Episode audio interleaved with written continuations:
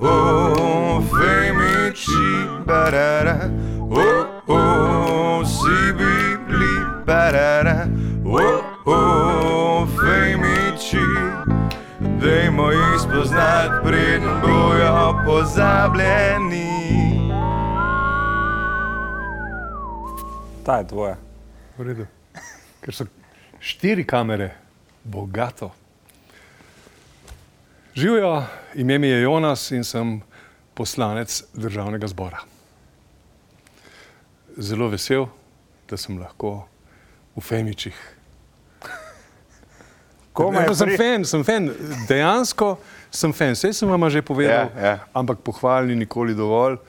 Reden gledalec in kakšne epizode tudi po dvakrat. Kjer? Zdaj smo eno posnela, ki bo, bo zihar. Mimo tal, ki je bil eh, duhovnik, kako se piše. Martin Golob. Tako, tako, tole denimo. Potem s težkim sem gledal dvakrat. A si, a si računal, koliko denarja ti je pokradel? Ni mi pokradel. Ga hočete na vsaki lažje dobiti. Koliko? A ja, sam. Ne, to se hecaš, A ne? ja, 80 posto. Ne. Kaj te pa fasciniralo pri teh gostih? Ne, ne, samo vzame si več. Imate kakšno izkušnjo? Več njih. Sem z njim, ne pa. Ne, pa o- ne zna, zna, dobro. Um, ne, kaj, kaj te je Zdaj fasciniralo, dobil da si davčne. gledal? Prosim? Kaj, kaj te je pa fasciniralo, da si dvakrat gledal?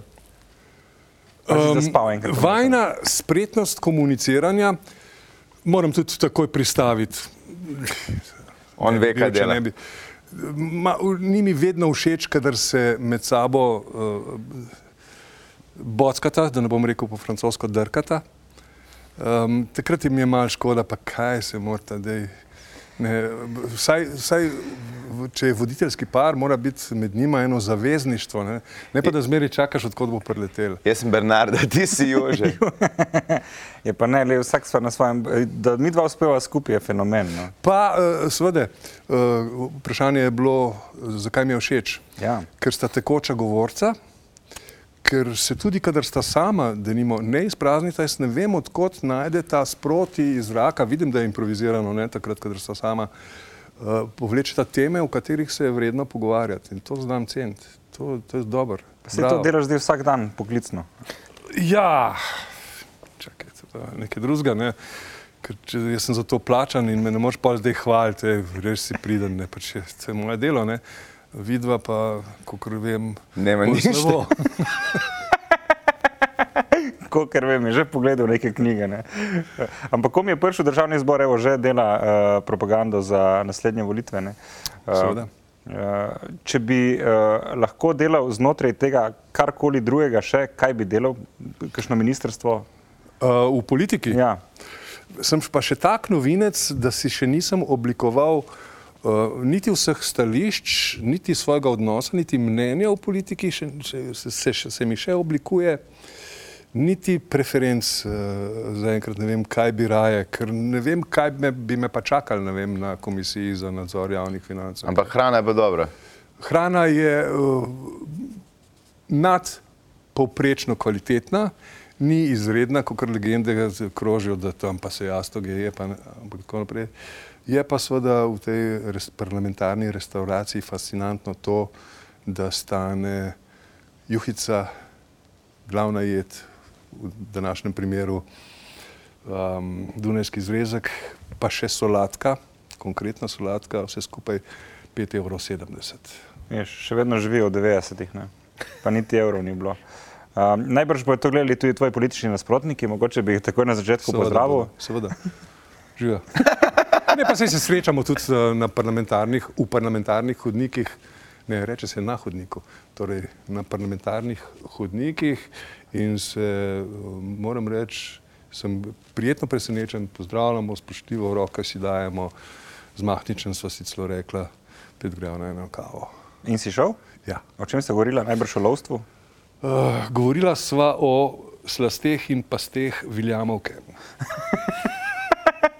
No, razvejena uh, Kot človek, ki zvrst lovstva. kot človek, ki zgleda, da je hruška v flaši. To je rekel on. Jaz sem to rekel. Meni je vse, jaz nemam političnih želja. Jaz sem žanom prijatelj. Ja. Uh, Ti si jih skoraj skrb dobil enkrat, ne? Ja, veš, kaj sem imel željo, pa najbrž je prišla uh, urgenca iz uh, samih vrhov, ne, obeh strank. Ja. Uh, ko sem še delal, pravzaprav, uh, mislim, da si bil še ti na kaj dogaja, uh, ko sem bil soscenarist, uh, sem si želel paintball dvoboja pod nadka SD in SDS. -a, ne. In ga je skoraj zrištal. ideja, kako da ni šlo skozi. E, Ja, oba dva sta bila za, Mahniču sem še rekel, pa vi ste lovci, ne, to bo. je- Mahniš je Ja, ja. prišel svoje karabinke. Mahnič je prišel s pravim orožjem in klej se je končalo. Uh, Briljantna ideja. Ja, ob- ob- oba vrhova sta pol sporočila čez 20 minut, da eh, ne, ne. Pač, ja, oba sta bila za, ne spomnim se več podatka od SD. Pusi, pusi. Ja. Veš, pa tudi začeli bi tako, da bi posneli, eni pride ven z gostilne, drugi iz Maše, pa po, ne, po vaseh, pak, pak, pak. pak. In se srečata, Ja. skupini se srečata na frontni liniji Eni imajo rdeče metke, drugi, Drugi bele. modre ali pa bele, Ja. ja. pa ne veš, do koga in strelja. začne pokati. Ja. A bi ti lahko zdaj to zrihtel, ko imaš veze? Vsekakor lahko dam poslansko pobudo. Pa jaz in Gašpr bo vsak v eni skupini. Ja. Prav, prav, ja. Ampak vsak kontra, da bo kolaboranta. Veš, kaj me zanima? Eh, Vedno smo spremljali politike od zunaj, imamo svoje mnenje, vemo, kako dogaja. Zdaj si pa v loncu. ne. Eh, Kakšen je pa kle uh, rakurs in tvoj zorni kot? Moj zorni kot je, da čeprav sem bil na začetku v dvomih, ali mi bo uspelo, ko sem se v politiko podal po dveh letih bivše vlade, ki nam je res kakala po lasišču, um, ki mi je počel, počel film in sem rekel, in po dveh letih opazovanja z zanimanjem moram reči, eh, kaj se dogaja v državnem zboru na tretjem parlamentarnem programu. In uh, sem si rekel, ne tako ne gre več naprej, tle bo tle treba nekaj narediti, ne vem kaj, narediti red, udariti s pestjo po mizi in sem se in seveda prenehati z govorjenjem za šankom, kaj bi bilo treba narediti, imamo res v akcijo in probajmo, ne, kar je to, kar je narobe, ta, ta zblo- zblo- zblodeli eh, svetovni sistem ali pa rečemo, ajde, sistem države zrušiti od znotraj. Um, najprej pa narediti red, seveda. In moram reči, zdaj, morda bi moral to kdo drug povedati, vendarle naj se pohvalim, da odkar sem jaz v politiki, ni bilo v državnem zboru ene interpelacije in enega protesta pred parlamentom. Lepo, dobro si začel. Uh, ne, se strinjam, ampak uh, noč je še mlada, ne, če rečemo v, v drugem žargonu, ne, kle se ni niti še začelo, niti jutro še ni. Ja, imaš poletje, počakaj, veš. Ja. Dober, jaz sem zadovoljen z upravljanjem. Že. Dobro je to. Kaj pa spreminjaš, a imaš dejansko uh, neke vzgibe znotraj tega, da lahko delaš ali je praktično skoraj da isto? Če imam kakšne notranje vzgibe, Mislim, znotraj ekspliciraj in politike, da, razloži. Ja. da, da imaš neke vzvode ali pa načine, da eno stvar premakneš, ki jo nimaš, če nisi v državnem zboru. Ne? Ja, seveda. Razen tega, da si zdaj blizu teh ljudi, pa lahko pokličeš eh, halo. Ne, To pa- prekoritu si hotel ja, reči. Ja. Mislim, Ja. Niti ne toliko zaradi denarja, ampak zgolj zaradi vpliva pa možnosti komuniciranja. Gotovo lahko že, recimo, eh, zelo sem bil vesel, kako je nekaj premaknila in, in, eh, in kako je uspela moja prva poslanska pobuda o vodnem topu. Da so ga poslali uh, Gasiti požar. Gasit, pomagati gasiti požare. Ne. Seveda je bilo prav okrog tega potem veliko pom, pa kao, pa vodni top na redu, pa tam se tam ne more voziti po hosti. A ne, opravil je svojo funkcijo in to zelo dobro. In veš, to mi je dalo uh, namik, kaj vse se še da. Če se da tole, no, naslednjič kaj večjega, naslednjič spet kaj večjega, naslednjič kaj usodnejšega.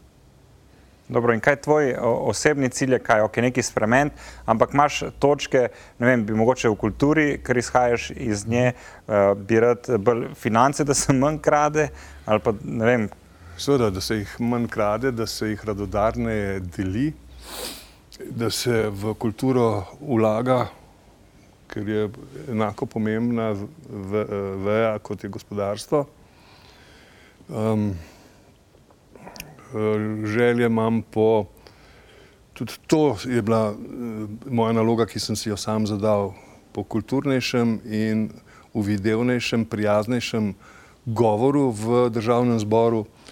In uh, željo imam, da bi se oplelo, plevel v vseh teh govorancah, ki jih tam lahko slišim. Tam v državnem zboru smo imeli zadnjič sejo, ki je trajala 8 ur. In se vprašaš, pa komu, ki ti razlagaš, če te pa nasprotna stran niti ne posluša. No, to je treba spremeniti. Ne. Še posebej v prejšnji vladi je bilo to očitno.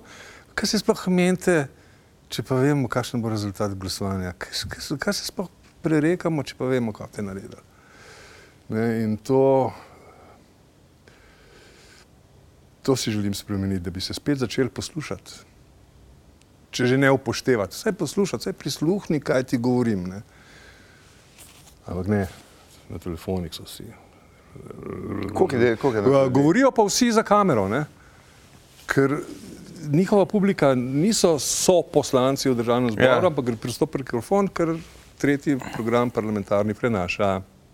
In Ja. ja. mogoče se bo kaj ujelo na novinarske limanice, mogoče bo kaj ostalo, kakšen citatek. Uh, deset sekund. Ampak ni, si omejen, uh, ko govoriš tam?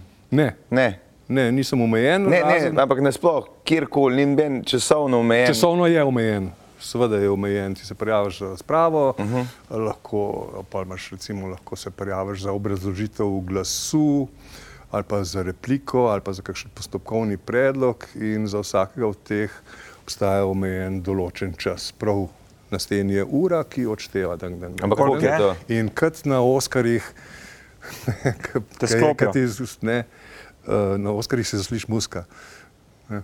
Uh, ko pade na nulo, ti števec se zasliši dong, ok, malo primitivna muska, a vendarle. Potem imaš pa še 30 sekund tolerance, da lahko še zaključiš misel.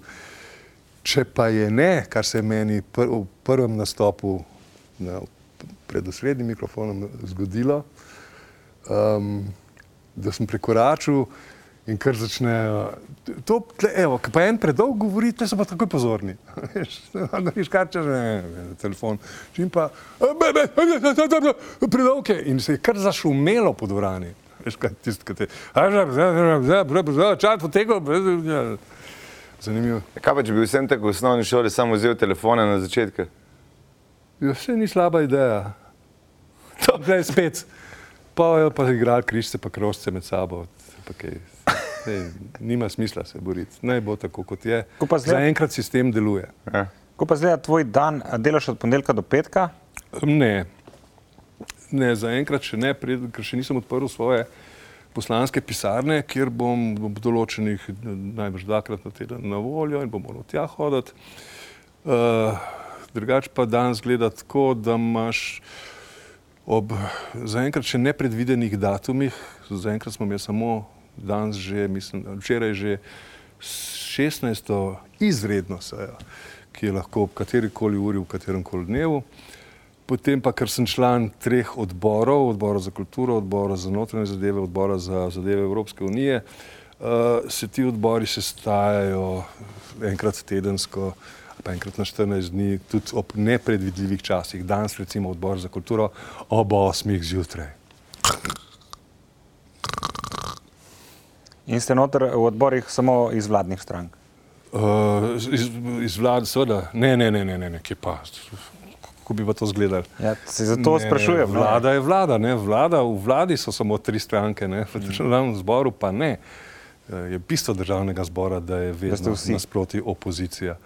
V vsakem odboru je proporcionalno eh, nekaj poslancev iz vsake stranke.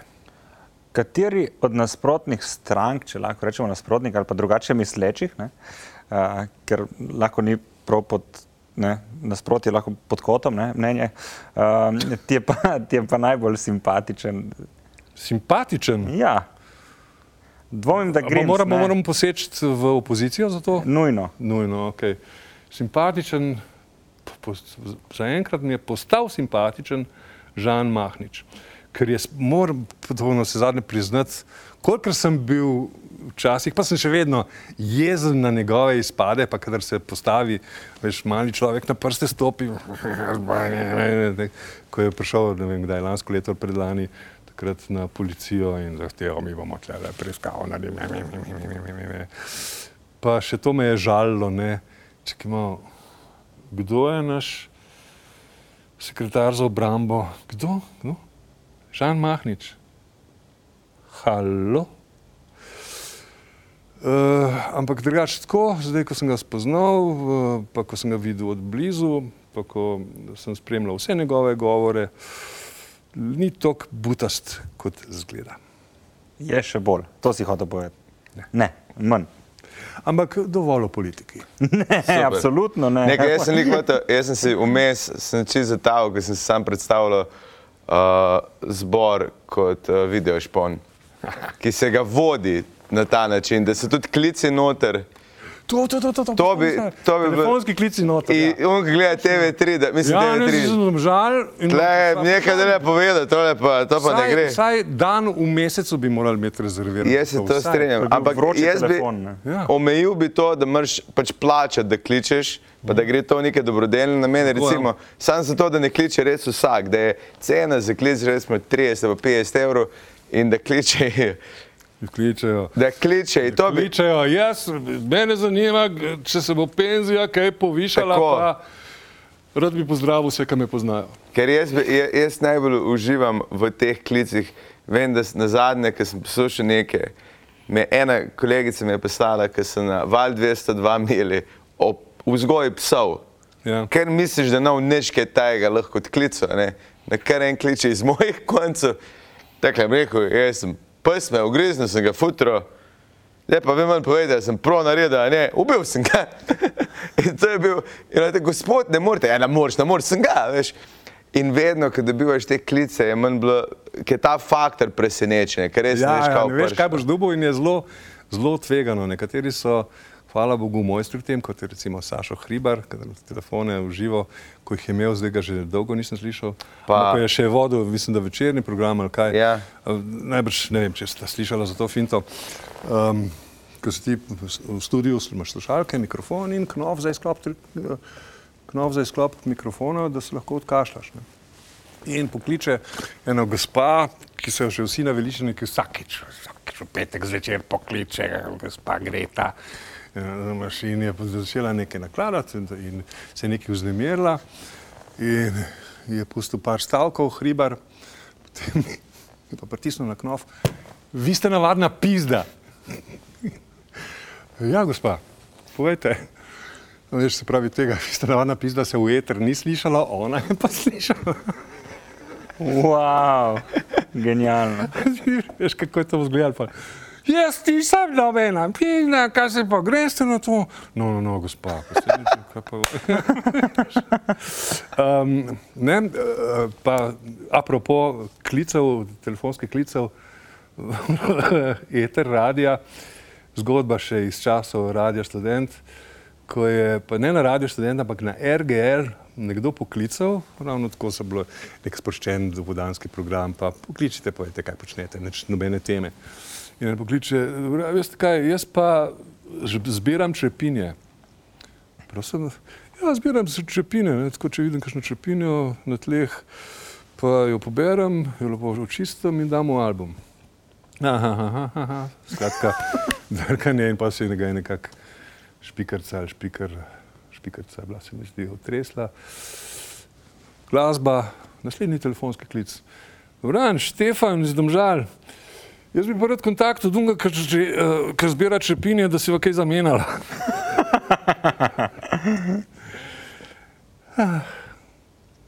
Lepi stari časi. No, ko si omenil Radio Študent, od tam tudi tvoj prvi Viktor, uh, kjer Ja, si ja. ja. bral uh, Shakespeareova Ne, dela. zato uh, mi Viktor ni bil podeljen. Viktor smo dobili, smo do, sva dobila dva, uh, Miško Divjak in jaz, v paru za vodenje celonočnega prenosa uh, Relija Saturnus.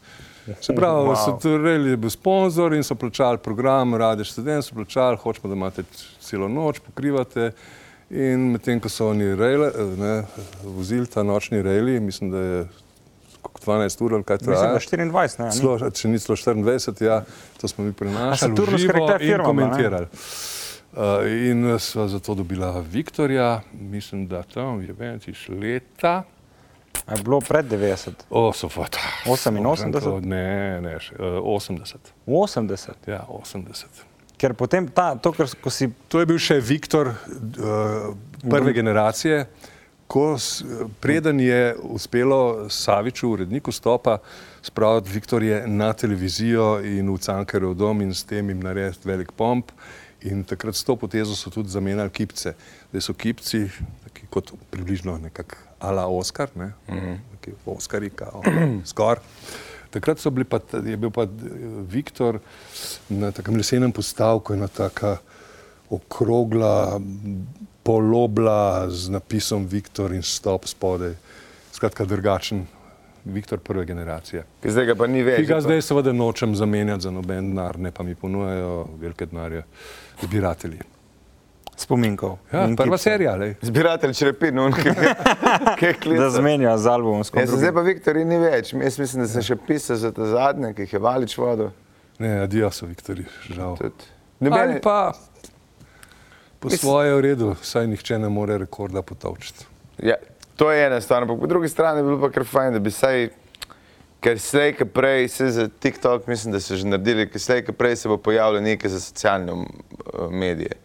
Ker če televizija ne vdala, bo izgubila, po moje, to šanse, saj ene vdaje na leto imeti, kjer imajo Ja. na, na pompa in svoje Ampak so bili dobri Viktorji, ne? mislim, tako je bil tak pomp, so znali so narediti. Mislim, so bil, ni bilo kopija Oskarjev, ampak nič hudega. Ja. Po našem, ampak vseeno je bila rdeča preproga, je bilo neko pričakovanje, je akademija glasovala, so bili nominiranci. Um, in potem Ja. v petek zvečer je bil prenos, direktno živo z Cankarjega doma, kaj bo rekel tak, kdo bo rekel tak, kako se bo to zahvalil, kdo bo zavrnil, odklonil, še nihče ni. Um, Mi se ra, ne, na ta zadnjih je bilo, dva, ta prva dva nista prišla. Pršla, to je pa zelo. Ja, ampak tudi pač je- ker je bilo v Portorožu, ali kje? Ja. Eno kdo vhodil. Pa eni zavrnejo s tem, da jim že prej povejo, da ne bojo niti sprejeli, pa druge dobijo. Ne. Pa nam se še enega mislim, da izgubili. Tega primera še ni bilo. Pa mislim, Svetlana. Makarovič je po mojem bila eh, ta oseba. Ne. Kaj pa isto Mlakar? Mm, A ga ni on zavrnil, ga je sprejel? Ne, ne, ne. ne, ne. Sem, tudi če ga je zavrnil, ga zagotovo ni. Eh, Če že ga je sprejel v odsotnosti, ampak ne vem. Jih imaš pa 14. 14. Ker če bi še bili, misliš, da bi ti Avdič eh, prišel za, za, za pete? Um, Kogi pa ima? Kakšnih sedem, po Nimam mojem. pojma. Ja, bi moral še, se, torej še kar nekaj let tekmovati. Ja, sam pač zdaj par let ni. Ne. Ampak lej sej. V bistvu, seveda bi bil ne, mečken, ne, ne, ne, če kdo rekord podre, ampak če, če bi ga, ne, bi bil to vsaj znak, da, da se je na slovenski medijski sceni, televizijski, tudi internetni, lahko vključim, če češ ali pa radijski, pojavil nekdo, ki je eh, nekaj premaknil, se pravi nekdo, ki se je zarezal v uh, ljudstvo, v publiki, v srce. Ne? In zaenkrat tazga človeka ne vidim. Ne vidim nobenega novega uh, junaka mlade generacije, ne vidim, pa mi lahko še razlagate, da obstaja ta pa ta influencer, bom sam rekel kdo. Uh, in da je torej, ta današnja mlada generacija, poleg tega, da je izgubljena v svojih telefonih, da je brez, brez svojega šampiona, brez zgleda, nima, nima junaka, ki bi ga lahko občudoval slovenskega. Sama miš, da tudi ni malo televizije kriva, da, da dela samo program še, ki je, da se ne riskira nič. Ja, Veš, da ne vem, kaj je pravi razlog. Ne? Ali je pravi razlog suša v populaciji, se pravi v medijski sceni, ali je pravi razlog, kako ti praviš, da je tle nekaj televizija zamočila. Ne vem. Ne Mislim, jaz mislim, da z obeh strani, sam mislim, da je kar velik problem, da kar se tiče televizije, da se, da se pač ni več interesa delati. Kdo je bil na zadnje, sta bila, da sta bila tak, sta bila zrnec pa bizovičer, Ja. sta bila on dve nove face, ampak Mislim, da je to stvar produkcije, ker ne ustvarja, ne? ti moraš pač ustvariti ja. TV voditelja. Ne? Ne, nisem- problem komercialke je ta, da hoče že vnaprej imeti garancijo, Ja. da tle bo denar. Ki pa nikoli ne moreš dati, lahko se samo najbolje potrudiš.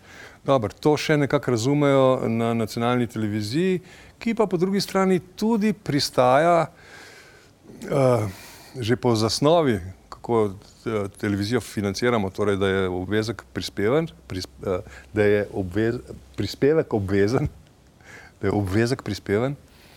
Um, ne, in se ona financira pol-pol iz uh, obveznega prispevka, ki je pa premehen, da bi te, televizija, naša nacionalka, preživela, in se ga zato še 50% nadomest, nadomešča s prihodkom od oglasov. Skratka, komercialka ne- nehote pristaja na igro komercialnih televizij. Veš, še zmeraj, še zmeraj se bori na, na trgu in zaradi tega mora, vsaj v zabavnem programu se to odlično vidi, ne, prilagajati svoj program uh,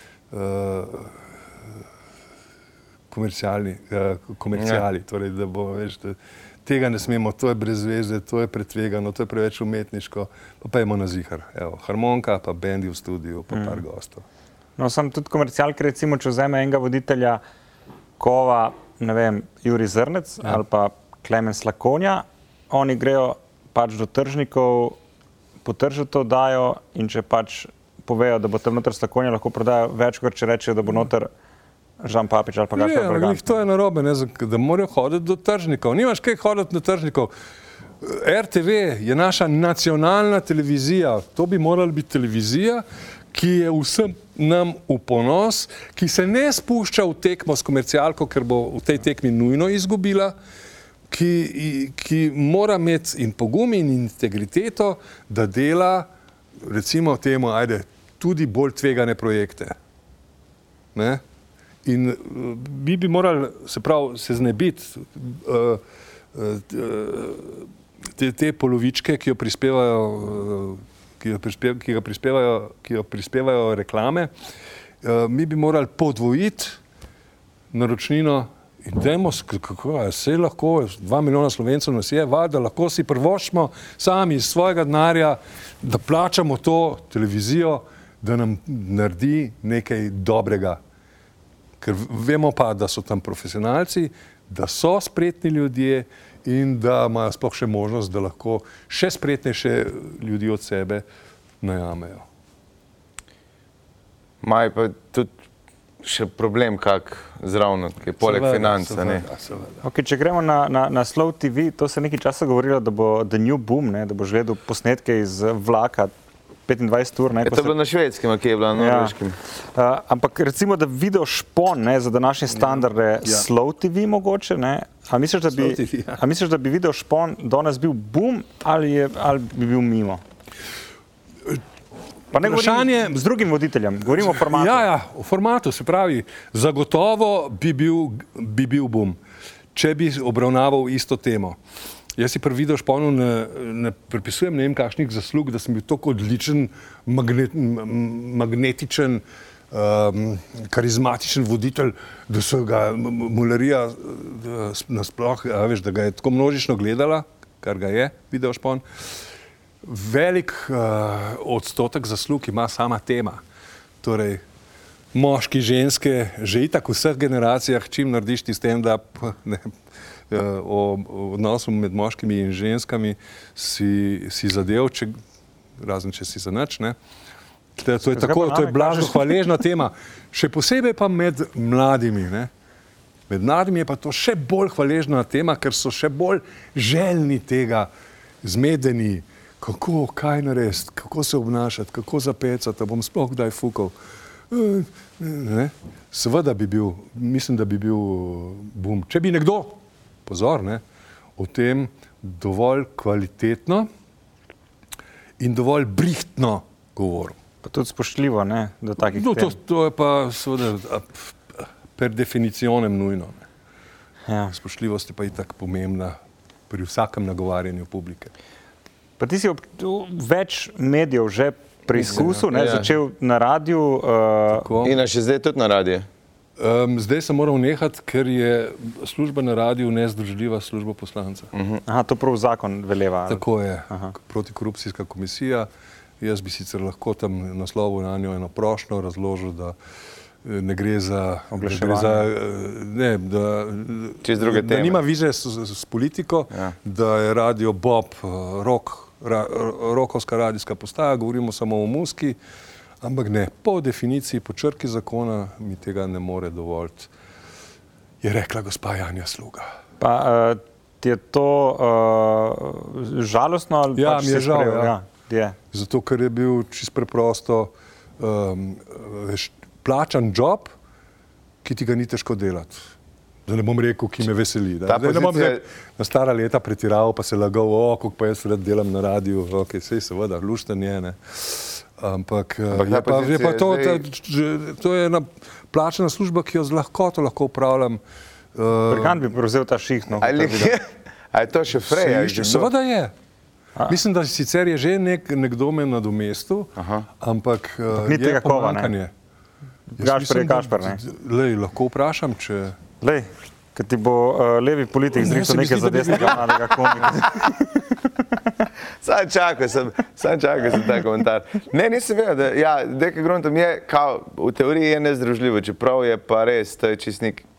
Ja. Ja, Ja, v tem primeru bi bilo seveda normalna zdrava pamet ti reče, Ja. kaj pa zdaj ima to veze s korupcijo. Kaj bo pa Ja. zdaj, po drugi strani imaš kako bo pa airtime, zdaj ta de, najavi enega, enih Rolling Stonesovega rock štikalca, on profitiral kot politik kaj. Če kdo bi to Jona znal speljati. ne. Tako da jaz ja. mislim, da iz varnosti uh, desnih političnih opcij je boljše, da ne delaš na tem radiju, ja. uh, predvsem bojo bolj veseli.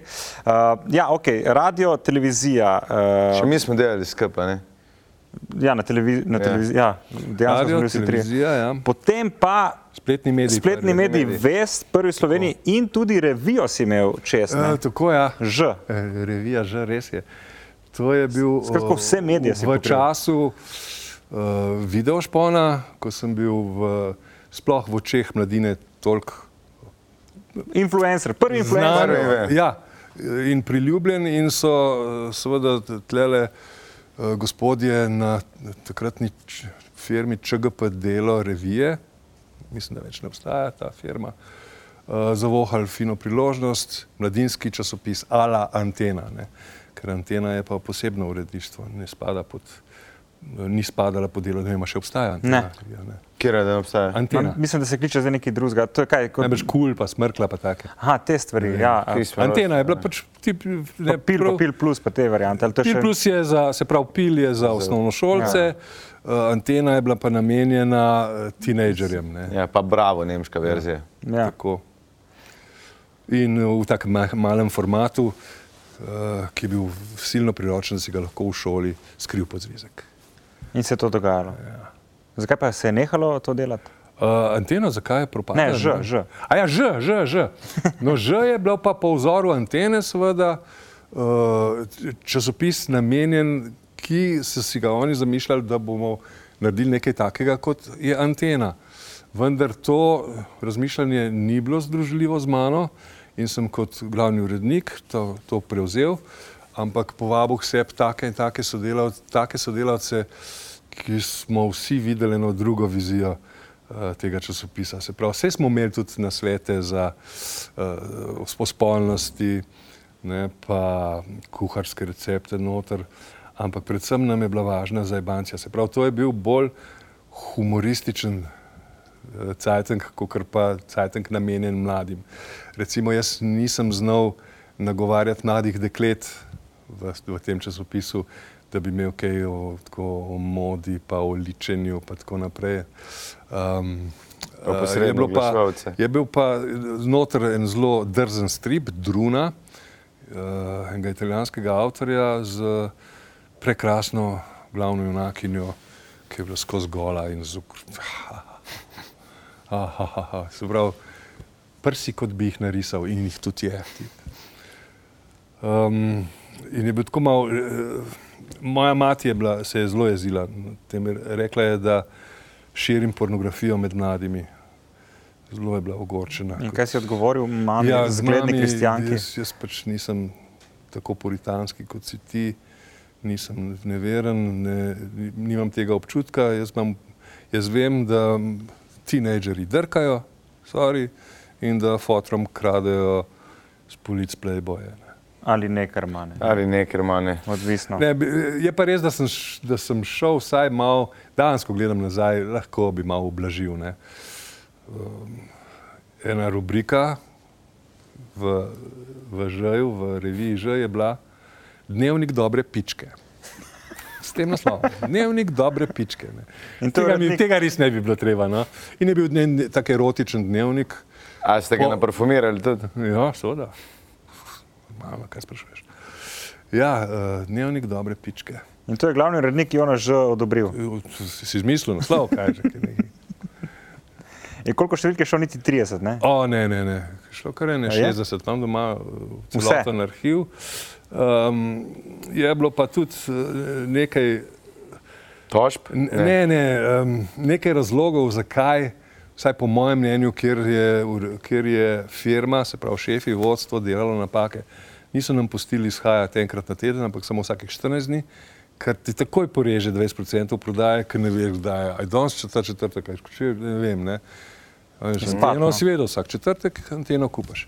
Um, in drugič, blo- bila je tiskana samo dvobarvno, ta revija. Samo dvobarvno. Oranžno? Zelena, ne, zelena pa črna. Zelena pa Zelena, črna. zelen je bil, ja. Ker sem imel vedno feeling, da je Ne, bil ta oranžno. Ž neki oranžno. Ne, ne, zelen. Zelena in še ni, niti sponke, na sponki so prešparali. Se pravi, veš, samo listi zloženi skup, prepognani, tako kot delo, delo nima Ja. ja. sponke. Ne? Ampak za eno revijo manjšega formata je pa sponka nujna, da ti ne letijo ti listi po koncu. ne. Je bil sam zložen. Sponke, ja, sem zložen je bil. Um, A je bil na, sredi, na sredini dnevnik pičke? Ne. ne, na sredini je bil strip Druna. Duplerica. Ja, duplerica. Ker res se še spomnim, ko sem bil v Mulju, so obstajale te fotozgodbe, kar den, mislim, da ni več. Kar zabavno. Ki je to bilo res zabavno, ker so bile te teenager ljubezenske zgodbe. Ja. Slik, slik. Na- Po enem parku si naredil celo zgodbo. Ja, cele zgodbe sem naredil, še vem, da smo mi za neko revijo pač delali. šolsko glasilo. Ja. Ja. Pa v- v- ponosen sem, da da je bila revija že prva, ki je objavljala prispevke takratnih dveh meni ljubih emigrantov, Đurota in Loše. Đuro in Loša sta imela tam svojo stran, ki se je imenovala Čvaka, z, z neko komično zajbancijo, nekimi fot, fotkami, predelanimi, fotomontaže in razni Sem žoki. zadnjič spoznal, Skratka, meni je bilo prvo vodilo Ja. ja. pri tej reviji, naj, najraž bi jih nasmejal, potem šele podučil in potem šele uh, razvedru. Najprej nasmejal, to, to mi je vedno nasmejati, zebancija, štosi, žoki. Ampak dovolj o reviji že, lepo prosim. Jaz sem zadnjič spoznal od Đurota nekega kolega, en doktor, ki je iz Mostara, ki je rekel, da je imel nek klub. Sam del sem se spomnil. Klub? Kdo je imel klub? klub? Nek klub komedije. A ja, to je pa. Mostaru. A Đuro misliš? Ne, od On? Đure, rekel je, da ste Đure kolega. Ker vem, da on ima na, v Zagrebu, ne, ima ta luda kuča. Ja. Um, Dej mi povej, ta Ž, eh, je to pol delo prekinilo, ni bilo prodaje, no. si ti nehal delati? eh, Um, veš, da se ne spomnim, zakaj je že bilo. Ne, ne, ne. ne. Potem so, niso bili zadovoljni s številkami in so zahtevali zamenjavo urednika, ki se pa ni mogla zgoditi, ker je celotna redakcija me Šla. enoglasno podprla in rekla: Adijo. In smo vsi šli. In se stavlja nova ekipa. Razen ene sodelavke, imena ne bom povedal, ki je prevzela eh, revijo naprej in bila urednica nove izdaje. Moram reči, kar uspešne, smrkla je bilo to. Je uspelo, no? Ja. to, kar tebi ni uspelo, pač reči. nagovarjati mlade ja. Ja. uh, dekline. Ne? Ja, to so rabili. Ne. Kar se tega tiče, je bila gotovo boljša urednica revije za mladostnike od mene, ker, kot sem si jaz zamišljal, je bilo, je bilo tudi skoraj namenjen še starejšim generacijam, tja do recimo leta 40-50. Pravi se je končalo tako, kot se je Zdaj moralo. Ne? ja. Pač oni niso bili tega, kar uh, so želeli, ti nisi hotel tega delati, ona pa je in evo, imamo novo, bolj primerno revijo. V Uh, bistvu je Jonas kriv, da imamo smrt. Smrklja, tako da Jonas hvala. Um, Vest je pa prvi spletni medij, Tako. uh, kjer ste delali v bistvu informativno daje na internetu. Ja. Ampak kdaj je nastal? Se pravi, jaz ne vem, nastal je 14 dni pred požar reportom. Smo prvi, ki smo postavili stran, vest.si. V 2004, 2000 ne, 2006, nekaj takega, v 2006 se mi zdi, ampak ne me držati za besedo, vse nima veze, tam takrat enkrat. Čigava ideja in zakaj? Ideja Janja potreba? Severja, Okay.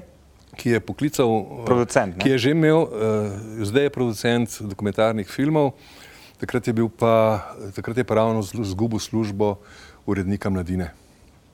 In je moral začrtati nekaj novega in je prišel z idejo spletnega medija eh, in, in eh, je že imel Denisa Sarkiča kot sodelavca, je že imel poštihtano par ekipo, Marka Bratuša, Bratušo, To je small talk. Ne? Ja, tako. Um, in Nino Jeglič, ki je bila pa direktorica firme in sekretarica, um, je že imel eno določeno ekipo v mislih, potem pa, ker je šlo za spletni medij in ker je imel, vsaj po njegovem, po svojem mnenju, je imel premalo izkušenj z digitalnimi vsebinami in sploh z digitalnimi aparaturami, kamere. Pa, Ne. In je prišel do mene, če bi hotel sodelovati. Mene je videl kot tek gika, niti ne tako kot, tako kot nastopača. Seveda sem jaz potem na vesti nas- nastopil v obeh vlogah. Se pravi, tudi uh, poskrbel sem za mrežo, uh, Ethernet, za kompjuterje, izbral jih, povezal, uh, nakupil softver. Ne. Se pravi, bil sem odgovoren za, za en del tehničnega aspekta tudi pisarno opremo, vse z Macintoshi. Uh, in potem bil tudi uh, vodja dnevno informativne oddaje z naslovom Vesti na vesti, ki je bila takrat, takrat še, eh, ki smo jo objavljali dnevno na YouTubu. Takrat je bila še omejitev desetih minut. Več ni šlo. Več ni šlo, ne, deset minut. Uh, pa smo pogruntali, da 11 minut še požre. Že smo prav tako, da smo našibali 11, 10 minut in 50 sekund, Uf, in si uploadal in je. To je še gor.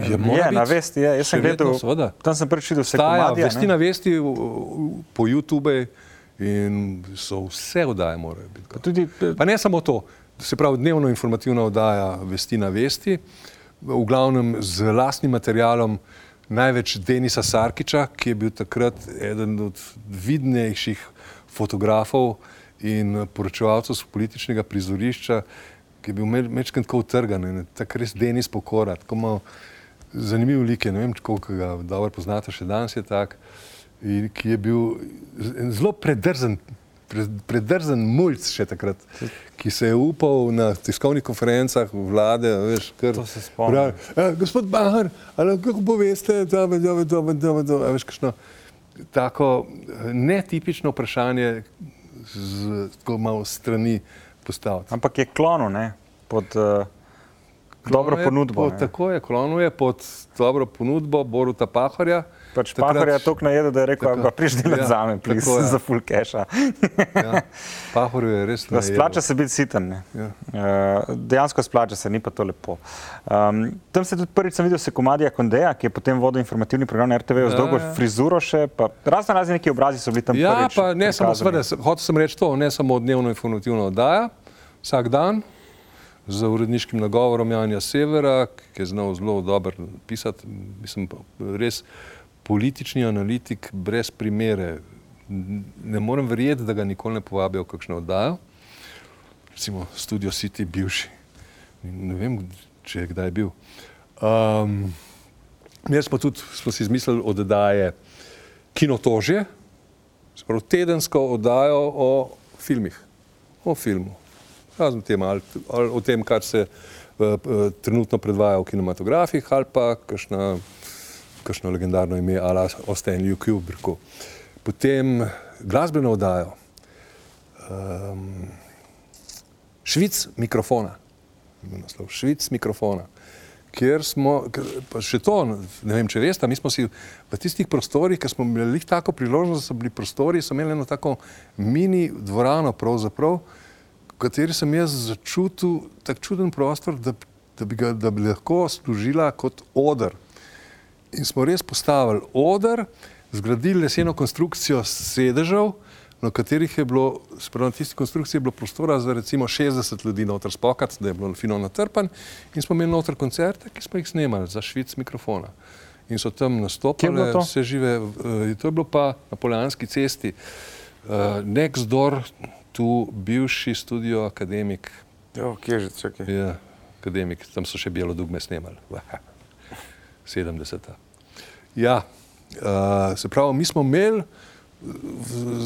pisarne in v sosednjem prostoru še eno mizo za še koga, kakšnega novinarja, da lahko kaj naredi na kompjuterju, potem pa že leseno konstrukcijo z publiko in odrom. Ne? Pa seveda ne samo glasbeni nastopi, tudi potem smo imeli intervjuje, recimo Godler intervjuval Števko Kučan pred publiko. Veš, to, je, to je bilo ja. meni zmeraj všeč. Publika, to publika zmeraj da. Publika spusti svoj sok če jo pravilno tretiraš, če jo pravilno obdelaš in pregneteš.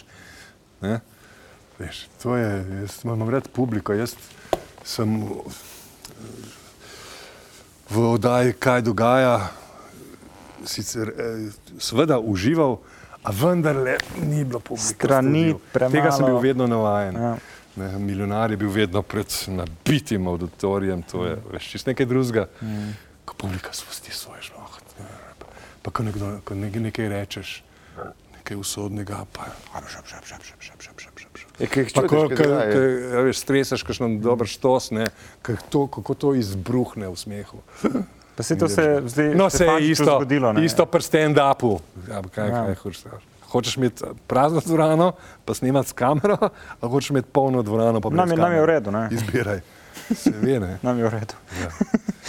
Ne, ne, prostor, se veš, se si mi, ne vem, ti si, kje si že v enem podkastu povedal, da je publika v dvorani, kadar je dvorana zaprta, ekonom lonc. Ja. Ja. Ker zunaj, vsi, ki nas obmo ja, zunaj, vemo, da tako, kar sploh tako nekam tako gre. Je, razprši se. Ja. Ja. Fun, ne? Pa jih vidi, nima, gledaj. Boiling. Na zadnje smo bili skupaj na jamskem človeku. Seveda je legendarna predstava 777 ponovitev, kaj tasga da ti gobec odpre, kaj v Sloveniji. Um, se pravi, je kvaliteta teh štosov že zdavnaj dokazana in, za, in opečatena, ne, štempelj, to je dobra komedija. Smeha pa ni bilo skoraj da nič. Čuteca, ne, mm. nismo, veš, ne, na tistem prostem odru, čeprav je on odlično opravil svojo nalogo, jaz vem, da je, ker sem tudi strokovnjak, ker sem iz Foha, jaz vidim, kaj je dobro narejen, ampak ni bilo enega aplauza na odprti sceni. Ja, ni, ni bolje. Ja. Veš, kaj me zanima, vest, monetizacija. In podobno je, prosti sam še to, podobno je, obstaja dvorana v Ljubljani, uh, Kino Bežigrad. A tam si ki ima pa drugo nesrečo, je še zmeraj ekonom lonc, ampak je tista dvorana, so jo tako, ko so že arhitekti in potem, ko so jo opremljali, so, mislim, da dobili neke stručkote iz Finske, ali kaj, ki so jim izmerili vse in točno povedali, kje se dajo panele, da denfa zvok, ne? da je zvok za denfan primerno za kino, da, da, da pade čisti kino sound, veš, da to ruka. In za kino je seveda odlično. Kaj imaš pa ti stand-up gor, to, to, je, to je smrt za dvorana. Ni, tudi... To je noro, kako se za denfa, ne? Ker publika, ko se zasmeje, se eden od drugega. Ja, odbiva se vse. Pa ni intime, veš kaj. Pa kar, kar gre. Pa kar tudi zadaj imaš ti, jaz sem videl, ko ste tako kolosej delali stand-up, ko imaš ti, ti v kino vedno greš, da film gleda. Ja. In ko imaš un ogromen prostor od zadaj, una platna, prazna, ja. ni tega občutka, tudi tlepor, veš kje, imam tudi ful problem, kar kol narediti v redu v Linkertovi. Uh, uh -huh. ja. Ker je strop tako visok, Ja. In je sam, sam prostor, je, sam, sam en ogromen prostor, sam en luft. In tudi, čeprav je zaprt, ampak je mm. tako visoko, gre. ljudje se tele, streha je tam le gor. In ti sploh ne veš, kaj da bi v eno jamo govoril, se ti zdi. Ja. No, Ampak se da, moram reči. Ne, recimo Bežigrajska, ne, pač Bežigrajska dvorana je res. Ne, ne, ne gre Ne, več tja. Bežigrajska vsaj- ali kino komuna, misliš? Ne, Bežigrajski kino. Ne. Srednja dvorana Cankarjevega doma ni idealna, ampak se da. Štirikrat sem jo razprodal, tako da in tudi Meni je ta, kaj, Štihova, ta tudi 360, poživel. ta je zabavna. Ne? To je pa, pa, pa spet druge težave. Vedno nekomu ne, uh, uh, kažeš hrbet. Ne. Ja, samo In se na koncu- Ja, sej, sej, pa, pa na koncu na konc se pa vedno zgodi isto vsem, da se obračajo kot vrtavke. Ja. Vsak mu hočeš. narediti. To je, je lušna mala dvoranca, okrogla, fina, sladka, zademfana, a veš, ne, fino, samo to pomankljivost ima, da moraš, če že, moraš za njo, se pravi z, s to dvorano v mislih, Pisati. tudi režirati. Pisati najbrž ne, ampak zrežirati, se pravi postaviti v prostor. Ne. Pa imaš pa seveda problem spet, pa pa gostuješ na enem navadnem odru, pa si spet. Ja, ja. Ampak mm, dvoranca. Koliko je tam not ljudi gre? 200? 120. Ne gre jih več. Ne. Prav veš. Veš, da, da da, je več. Okay. Uh, ja, glede vesti bi sam še to vprašal. Uh, ne, raz, ne vem, kako sploh pri informativi prije do monetizacije. Uh, Še nam ni ratal. Aha. Tem se je zato pa vest propadla. Nam to takrat ni uspelo. In se seveda uh, dolg časa sem to opravičeval z razlogom, bili smo pred svojim časom. Ampak če že, ko pogledam zdaj vaju, ki tudi ne bogatita od tega, na en način to spoštujem, seveda, da še vedno to res dobro, kvalitetno dela, tako da bi bila plača na milijon. Um, da, da, da še zmeraj nismo tam. Še zmeraj nismo tam. Kdo pravzaprav pa, a, komotar, eh, kaj zasluži? ja, on živi, po mojem, tega. Ne? Sam Ja, spet, on- Sam spet ne, tega, ja, veš, spet pa- ne od klikov ali pa od ogledov, Ne, ampak ne, spet to od, od enih poslov mimo, ki Ja. jih ne vidimo. Ne? Se pravi, Opel. Ja, ja, te stvari pač. Vse to, ja. tudi nama, veš, zdaj imamo to fantoščino, najbrž nek obisk na tej predstavi je tudi zaradi tega, ker nas kaj gledajo, pa reče, gremo jih pogledati, pa podpreti v živo in tako zmonetizirava s stranskimi produkti, uh, oziroma z drugimi produkti nam je to sam izložba. Ne? Um, ampak ja, ker uh, vem, da, da, da, da ti si prav bil strokovnjak za monetizirati stvari. Ne? Če je kdo znal, si to znal ti, pa če vam ni uspelo to na vesto, pol, kdo bi lahko, Ja. ne? če ne drug. Ok, požar report to dela na drugačne načine, ne?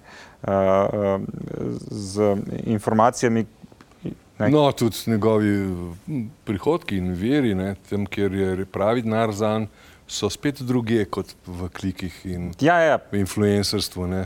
Ampak ima Tam tam je pravzaprav, portal. ne. veš, tam je v, v igri denar, ki je bil izdan zato, da se mene ne omenja, ne omenja naše firme.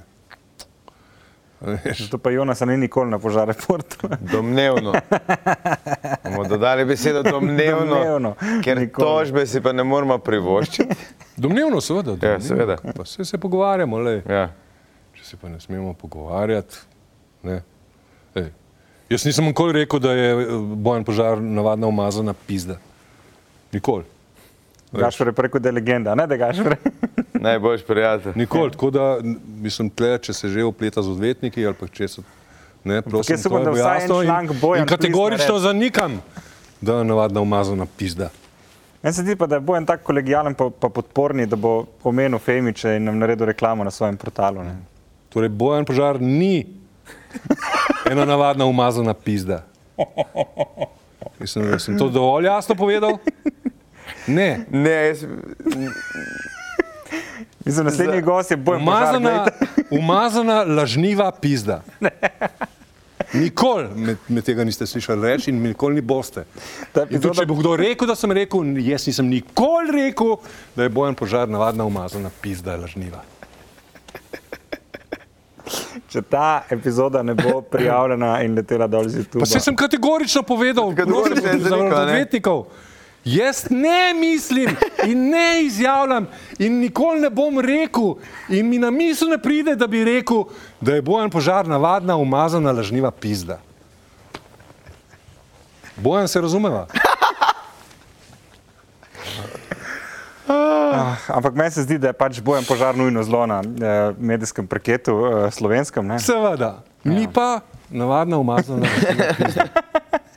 Okay, če Jonaš Žnidaršič ne bi bil izvoljen v parlament oziroma posredno. Pa bi pa mogoče rekel, da je bojan požar. Ampak, zdaj, Ne, ampak svoje pozicije in znotraj tega konteksta, v katerem se ta trenutek nahajamo, pa ne bom rekel. In, in to spoštujeva. Bi pa poker, po moje, a bi šel nazaj poker. Lahko komod pokaže. A ni, a ni, prišel, a ni poker prišel na ta nivo, da ni več tega hoda odstotkov za služenje kot stave, ker moraš zmagati 52 odstotkov ne, ali pa 51, uh, kot zgubiš, da, da so prišli in z boti in znanjem toliko daleč, da je ta hod zaslužiti ratu, da je zmag premalo krat, da bi se to splačalo. Um, zelo nejasno. Um, eh, zno, skušam, še, kaj hočeš točno povedati, ampak se mi zdi, da kam meriš. Skratka, če že govoriš o botih in o softveru uh -huh. in o znanju, ki ga človeštvo ima o tej igri, uh -huh. ki je zelo kompleksna, moram reči, matematično zelo kompleksna igra, da pa je, uh, da smo prišli že tako daleč, da, s, da smo z nekaterimi računalniškim softverom, z boti in uh, vedenjem, poznavanjem te igre prišli do, do točke, kjer smo se približali, da ve, uh, približali vedenju, kakšna je eh, teoretično optimalna igra v pokru. Gre za teorijo iger, nasplošno. Katera koli igra ima nek, karkoli že to je, če mečeš kocke, leta, whatever, ne, uh, človek ne jezi se. Vsaka igra ima nek ekvilibrij. Torej, na neki točki, z neke strategije, ki jo se jo da ali pogruntati ali zračunati, pri preprostih igrah se jo da preprosto logično premisliti, ne, obstaja neka strategija, s katero lahko iztržiš najmanj polovičen rezultat. Se pravi, zgubiti ne morem nikoli. Ne. Tipičen primer je igra križcev in krožcev na 9,5. ne. Vsi poznamo, da se zmagati, če nasprotnik naredi neumnost. Če pa nasprotnik ve, kakšna je optimalna igra, se pravi, če pozna vzorec, ne bo nikoli zgubil. Jaz v križcih pa krožcih ne morem zgubiti. Vendar, ker je ta igra toliko preprosta, se te strategije z lahkoto naučiš tudi ti, Žan Papič, in lahko igrava, se pravi, vse življenje in ne bo nihče izgubil nikoli. Se pravi, pri vsaki igri obstaja neka strategija, s katero si ti zagotoviš ekvilibrium, ekvilibrium. torej da ne boš zgubil. In ravno tako pri pokru. Recimo, že ko sem jaz igral poker tistih 7-8 let, uh, smo bili z eno skupino, jaz pa še štiri američani, ki smo se preko interneta povezali v neko skrivno tajno druščino, ki je uh, matematično in računalniško preučevala igro pokra. Smo prišli do neke strategije, ki se je temu približala. Se pravi, takrat smo se že, smo se mi nas pet naučili, se pravi, idealne, skoraj da popolne igre pokra, pri kateri ti igraš obrambo, ne, igraš tisto, se pravi, strategijo, ki ti zagotavlja, da zgubo ne boš. To ti pa seveda postavi v položaj, da ko nasprotnik gor ali pa dol devijira, se pravi, odstopi, naredi potezo zunaj te strategije, je avtomatično na slabšem. Aha, se pravi, naredil si napako. Takrat ta vsaka napaka meni prinese profit, se pravi, se zanesem na zaslužek pri pokru, samo eh, da ga bom dobil in prejel od nasprotnikovih napak.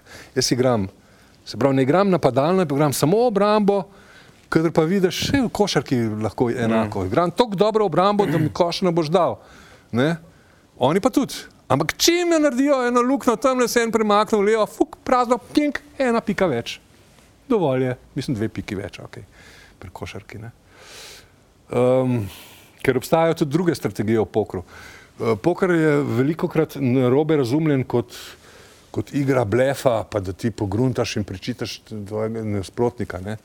Kar je zelo če to strategijo vladaš, je zelo dobičkonosna. Čeprav, če jaz tebe naštudiram, da vsakič, kar se ti popraskaš po ušesu, uh -huh. da, si, ne, da imaš slabe karte, da blefiraš, takrat seveda ti poberem vse. Ker ti, bom, ti ne veš, ne, ker bom vsakič vedel. In takrat bom stavil, takrat bom za nalaž odstopil od svoje, br, uh, svoje strategije obrambe, takrat ne bom obrambal, bom napadal, hefto te bom lih takrat, plačal te bom lih takrat, kadar, čeprav bi to optimalna strategija ne bi priporočala, ampak ker jaz vem, kdo si ti, ne, ker sem te pogruntal, te lahko uberem, se pravi, dobiček je strahoten. Medtem ko je pri optimalni strategiji dobiček minimalen, ampak je dobiček. Za vsako napako ti meni nekaj plačaš, nekaj malega, nekaj malega. Govorimo... Ne gre za dobitke, e, vse sem pobral. Um, torej, poker ni, eh, je lahko psihološka igra, ampak ne nujno. Ne, Finta je potem, da tudi nekdo, ki ne ve za ta tvoj tel, za, ta tvoj, uh -huh. za mhm. to tvoje izdajo, te bo še vedno obral z obrambno strategijo. Sem čakal, kdaj boš ti od nje devijiral, odstopil kadar boš, kadar boš probal nekaj. Jaz vem, da je najbolj, veš, da se najbolj splača teleheftati, ampak njega bom pa reheftal. Ej, napaka. Um, Kje smo? Ja, pri, pri, pri ekvilibrijumu.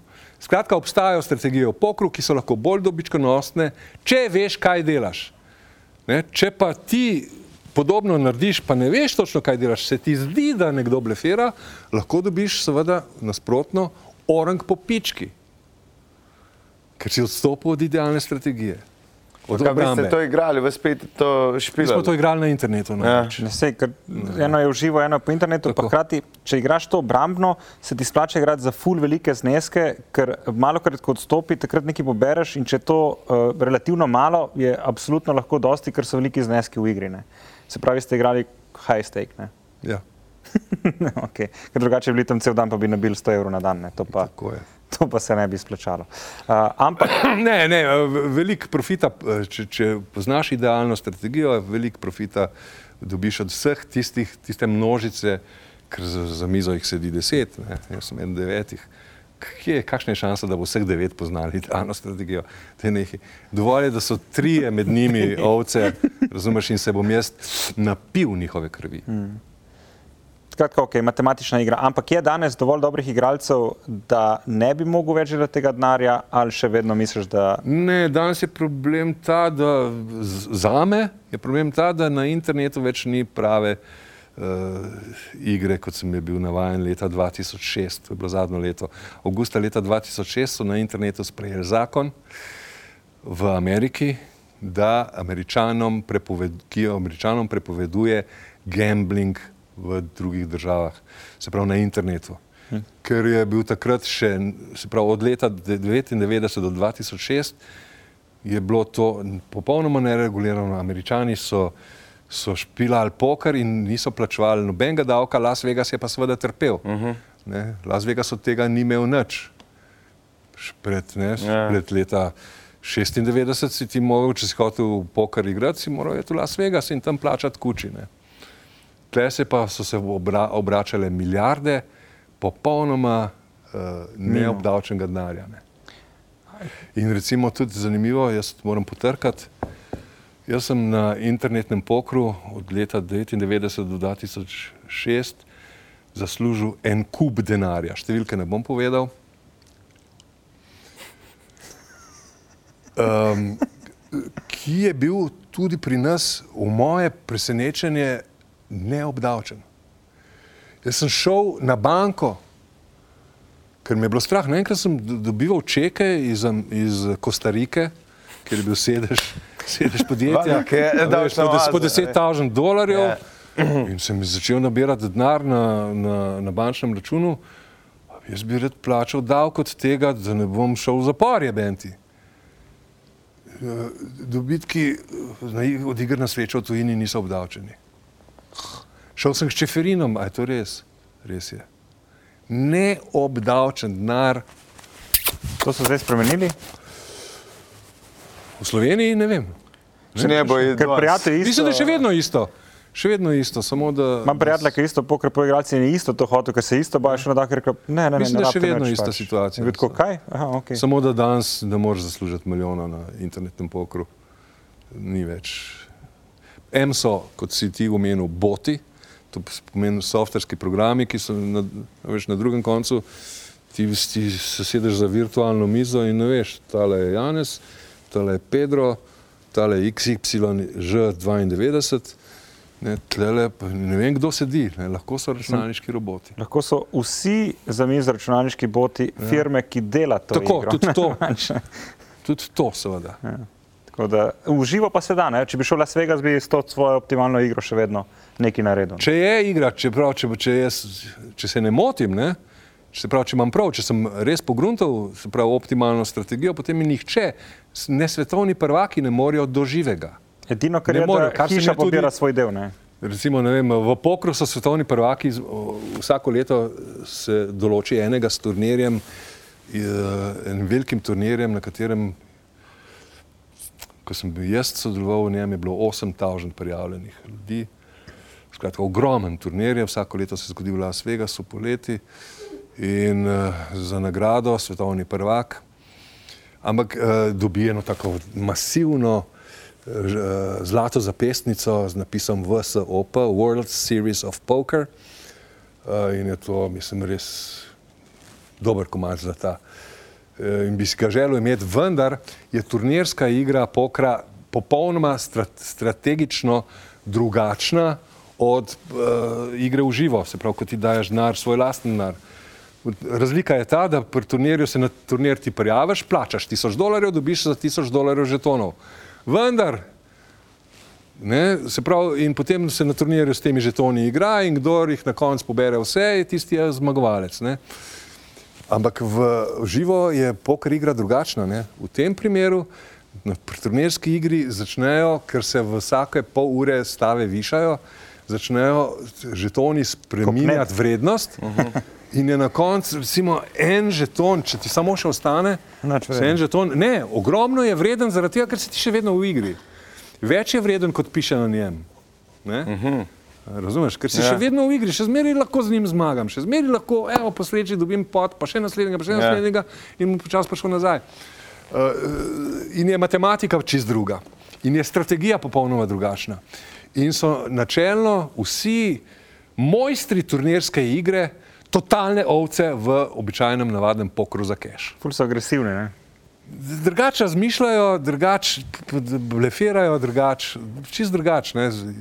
Mislim, jaz, meni se je zgodil v Las Vegasu, v Beladžu, odličnem lasvegaškem hotelu, kjer je, ki je bil takrat meka svetovnega pokra, tam so igrali najboljši svetovni pokeraši, Leni Martin, David Sklanski, uh, Ray Martin, uh, Ted Hill. Uf, kako smo se tepli. In uh, se moram pohvaliti, niso mi mogli do živega. Uh, sicer po drugi strani, resnici na ljubo, jaz se tudi nisem krvi njihove napasu, mm -hmm. ampak sem se napasu krvi dveh, treh ovc, ki so zraven sedele. ne.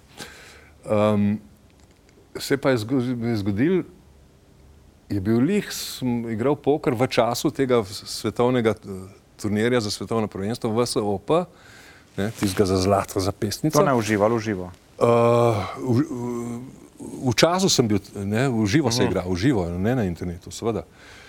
V živo in se je to dogajalo v sosednjem hotelu Horšu, mi smo igrali karte v Beladžu, še to zraven tega turnirja velikega, za glavno svetovni, svetovni prvak. Je vedno zraven še par stranskih turnirjev, vsaj ene 12 v panogah, se pravi turnir v te, Texas Hold'emu, t- turnir v odprtem pokru na sedem kart, Omaha. turnir v zaprtem pokru, Omaha. Ne? In vsak od teh zmagovalcev tudi dobi zlato zapestnico. Sicer nekoliko manjša, ampak še zmeraj lep kos, svetovni prvak. piše.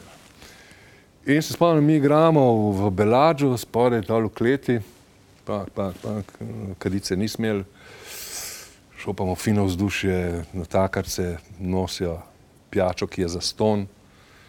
Ne. eh, Če špilaš, ti ni treba plačati za pijačo, sam pač daš napitnino en dolar. na ta karci, če ti je všeč, špilamo, špilamo in v kotu televizor pač nek program oddaja, kot v lokalih. Ne.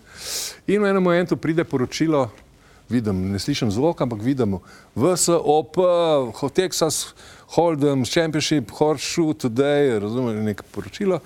In jaz pogledam in si rečem, rečem, omizju američanov. Ne. Fantje, mene pa prav zanima, kako izgleda v živo ta zlata zapestnica, to bi rad videl. In za mojo mizo štirje stegnejo roko. Takole. Ja, res je.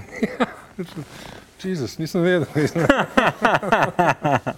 njem, njem, njem, njem, njem, njem, njem, njem. In zanimivo je res, eh, v straight igri za denar iz žepa nisem imel šans. Vsi štirje so samo. Okay, gremo v drugo matematično igro, bolj bomo rekli um, prestižno ne, ali pa bolj gospodsko. Uh, to je šah. Uh, Ja. Jaz se spomnim, da je itak digitalije, to sem gledal redno, ko si takrat delal še za Simobil, ne, današnji A1. Tako je. Uh, o, o, odličen vlog, ne, v resnici je spet eden prvih Ja, vlog, Digitalije. vlogerjev, ne, digitalije. Uh, Plačan. Seveda, Naročen in plačan, zelo dobro. Vse smo, vse smo to dojeli. ne. Uh, Ker pa malo ljudi ve, ali pa manj ljudi, ne, da si izdeloval tudi svoje šahovske figure Ja. pod imenom BCE, Best Chess Ever. Best chessman ever. Chessman ever. Najboljše šahovske figure vseh časov. Iz česa se pa bile? Iz lesa. Uh, lesene iz Javorja in iz Oreha v originalu. Um, to sem se leta dva- 2012 sem se ponovno nekako navdušil nad šahom, ko sem potegnil šah ven, da bi ga igral s svojo uh, hčerko, takrat Zoja. Da imam malo šah igrati. In sem se rekel, to je pa fino in figurce in tako naprej. In sem hotel naučiti šaha še svojo mlajšo hčerko, ki je bila takrat stara, pravi, leta 12, bila stara 4 leta. Ne? In sem jo naučil šah, in potem, če, pa, če bom pa že začel v naši družini s šahom, je pa moja navada, tak sem, hočem imeti ta boljšo opremo.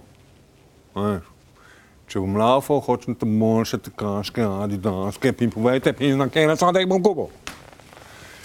In zanimivo, sem šel seveda na internet vprašati, internetno občestvo, kje so najboljše šahovske figure na svetu, hodil rad bi jih kupil. In noben jih ni imel odgovora. En je govoril, to, to pa tele francoske so fajn. pa mi- mi- mi- In vse si kupil? Ni bilo, ne, na- najprej ni bilo konsenza, ne. Se pravi, ni bilo konsenza, kar, kjer ponovadi je, če rečeš, kjer je najboljši sesalec na svetu, hočem ga Dyson. Dyson, da mi Dysona. Kjer so najboljše Olfa na svetu, N1 Cutter, japonska firma, ne Olfa. Um, kjer je najboljši šubler na svetu, tale, um, Mikado, kako se imenuje.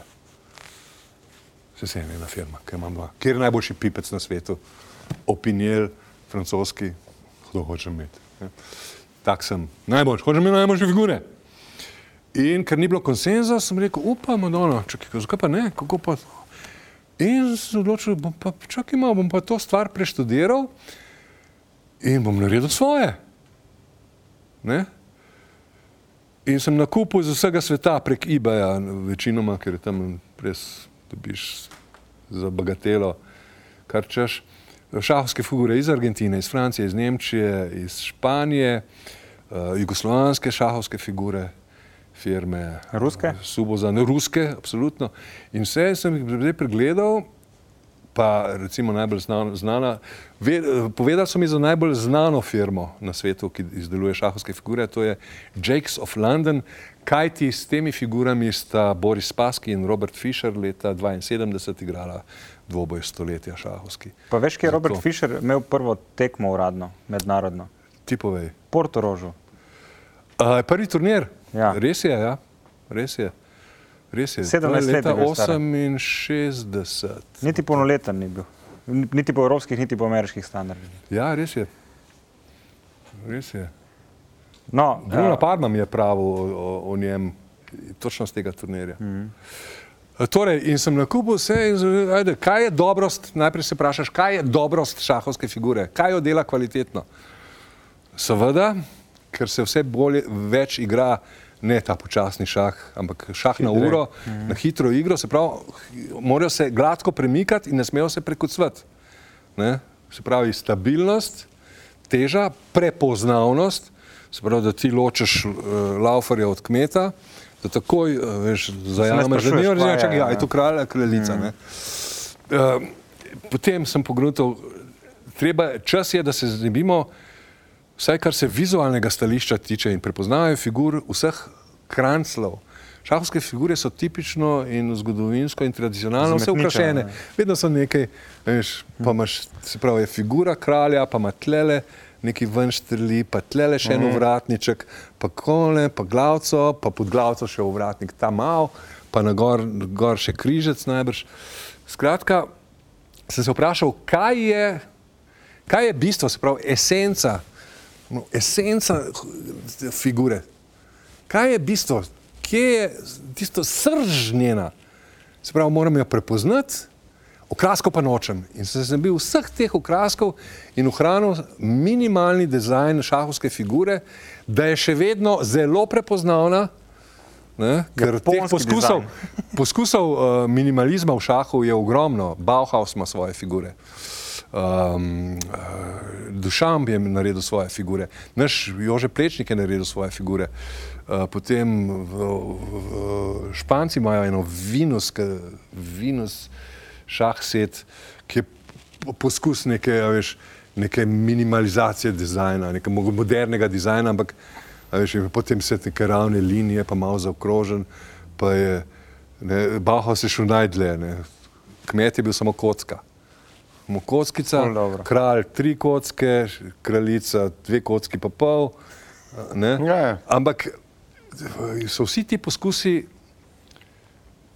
je, je trpela funkcionalnost. Hmm.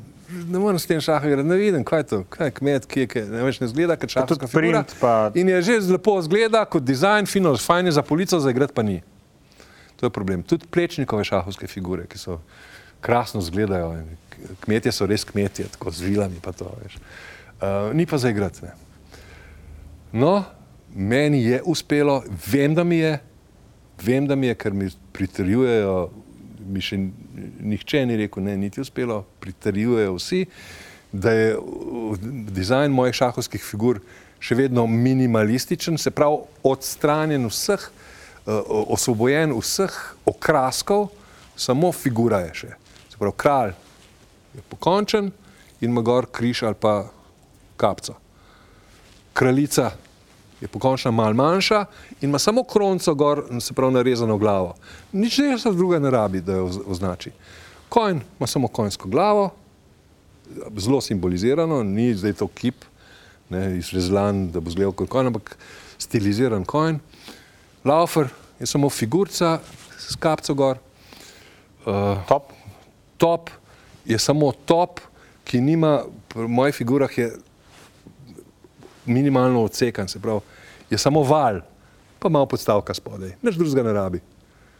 Predstavljaj si en valček, ki je spod malo razširjen. Hmm. To je top.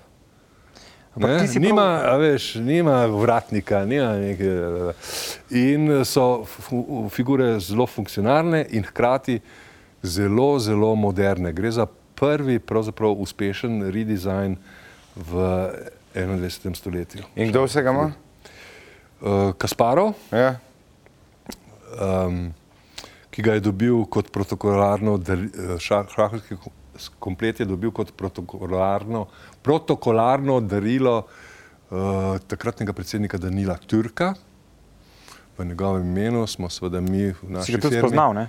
Ja, seveda, sem, sem mu osebno izročil, se z njim fotografiral in njegov prvi komentar je bil, uh, uh, heavy, je rekel. Heavy. Um, Laura Unuk. Drugi, Laura Unuk, itak. To že po defaultu, ker sem jih uh, en komplet podaril vsakmu od naših šahovskih velemojstrov, ki jih nimamo veliko, Sloven, imamo sedem slovenskih šahovskih velemojstrov, eno pa tri štiri slovenske velemojstrice, ženske velemojstrice. Um, Kar je fascinantno, ne, veš, za šahski velemojster biti ni kar tako. Koliko imamo doktorjev znanosti? Par tažant, ne? E, šahovskih veleposlov? Ja, šah sedem. Sedem. Uh, in seveda, to pa že čist po, po mojem, po moji vesti, po občutku, če pa mora imeti slovenski velemojster najboljše figure na svetu. Mora jih imeti. Kot da so vsak, vsi dobili vsak po Kaj pa Magnus? komplet. In Magnus Carlsen tudi, Ej. on jih je pa dobil, mislim, da je ne 40 kompletov, ker je bil. What? Ja, eh, to, ampak eh, ne lesenih, ampak sprintanih z mojega printerja. To pa zato, ker smo se nekaj časa dogovarjali, ampak je potem žal korona posegla vmes. Uh, njegova ekipa, hm, ne bom zdaj se važil, da Magnus Carlsen osebno, njegova ekipa, to je cela korporacija ljudi okrog mm. njega, ki skrbijo za, za njegov da- imič in za njegov zaslužek. nekaj in za njegov multimilijonar, ne? iztržek, Je, uh, je navezala stik z mano, da bi moj dizajn postal uradni šahovski komplet Karlusa, Ma, Magnusa Carlsena. In smo se o tem dve leti dogovarjali, pa je pa korona padla in se vse- vsega skup ni bilo nič. Rezultat je pa ta, da on moje figure ima, imam video posnetek njega, kjer je prijetno presenečen in rekel, oh, nice. Ne? So mu bile, so mu bile všeč, Kot ta moj avtist lahko dizajn. pove, da Ja. mu je nekaj všeč. In še pol, pa glavno celotna njegova ekipa in, in board njegove firme ima moje šahovske figure, ker sem jih v toku dogovarjanja sem jaz pošiljal sample dol, kaj vse se da lahko narediti. Jonas, jaz sem vse te vsebine prebrajeral na tvoji strani, kaj je bila jonas.si mogoče? Je bila, ne? Um, blog, ja, jonas.si je moja stran. Z, A imaš še te arhivi. stvari gor? Še so še vedno gor. Največ je pa mojih starih zapisov na naslovu jonas.blog.si. Tam sem. Ja. Mislim, da je to, kar sem ga jaz gledal. Jaz sem, skratka, sem vse prebral, pa vse pregledal na tvoji strani, zato, tudi te posnetke, kako si delal. jo, ne uh, blog.jonas.siol.net. In to še zmeraj stoji. Še mora stati, seveda. Jaz mislim, Ja. da ne več. Ker Stoji, sem neki, stoji. ja, Stoji. okay. uh, Ker so, to je pa, seveda, nismo omenili, ne, to je pač še vedno arhiviran uh, prvi slovenski blog. Pa tudi nekaj časa si bil vodilni slovenec na Twitterju, ampak Ja, tudi eh, vodilni, mislim, še vedno imam nadpovprečno, mislim, orang nadpovprečno število sledilcev, se pravi tam okrog 19 tisoč ali koliko. Um, seveda zasluga gre pa ne toliko mojemu kvalitetnemu tvitanju, kot tem, da sem bil eden prvih, ki se je na Spet Twitter nekje, ne? priklopil. Ja. Leta 2005 se mi zdi. Jesus. Ker še ni bilo nobenega in pa seveda, če, če, ni, če ni, komu boš sledil? Ja. pač Meni Jonasu. men so vsi sledili že, že, že na začetku in potem tudi seveda priporočila so bila, da tega moraš slediti. Ja. Pa tudi veliko bolj sem bil aktiven. Ja. Uh, ker so tu za ston, je ta čas še toliko dražji in uh, morava žal končati. A, daj, no, ne. ja, mislim, Ampak smo bili Ma ja, se vsi se material za pet rekel. ur, ne da ne. Ne. pravim, seveda ne. ne. Uh, je nič, Dovolj o meni, ja, dovolj o meni. pa dovolj vse. Daj mi rajš, daj mi rajš, Žan, povej, kaj si ti misliš o meni? Jaz, kaj si o tebi mislim, eh, Jonas, bolje, da sklopimo te. Egocentriško, egocentrištvo do, do daske. Veš kaj, vse to, kar si povedal o Bojanu požarju brez zanikovanja, ne, se ne, eh, šala na stran. Um, Mislim, Ko se, je ko se kamera začne smeti, veš, da je Mislim, da ne bi slučajno. Ne. Ker vem, da, ga, da bo nekoga prijel. E, Tožil bom, tožil bom. Kako? Če sem rekel, da ne. Nisem nikoli zinil, nikoli, nikoli ne bi zinil na glas, da je bojen požar navadna lažniva pizda.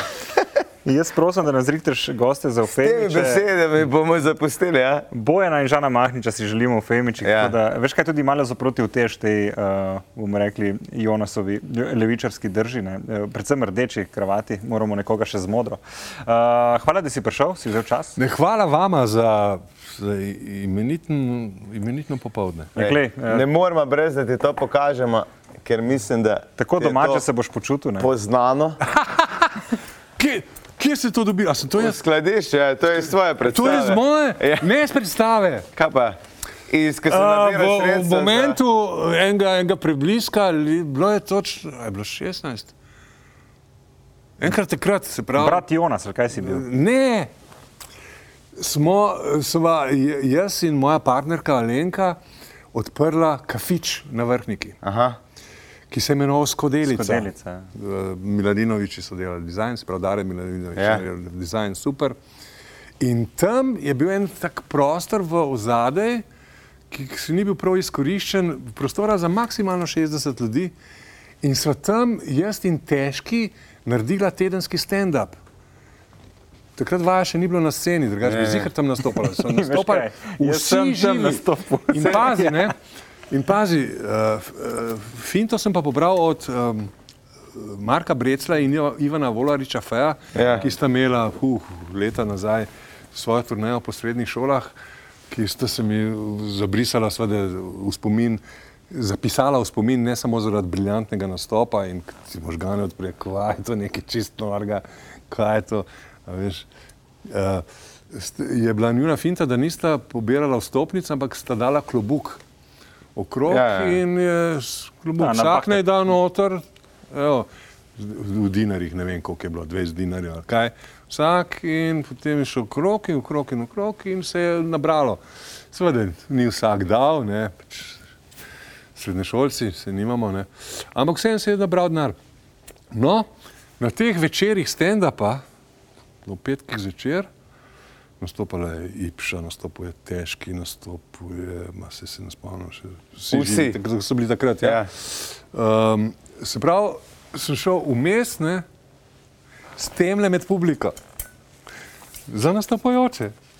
Veš, koncerti, ne, za nastopajoče in, in so metali noter lepo. 60 ljudi, ampak nekaj se je nabral in to sem pol dal uh, za honorar.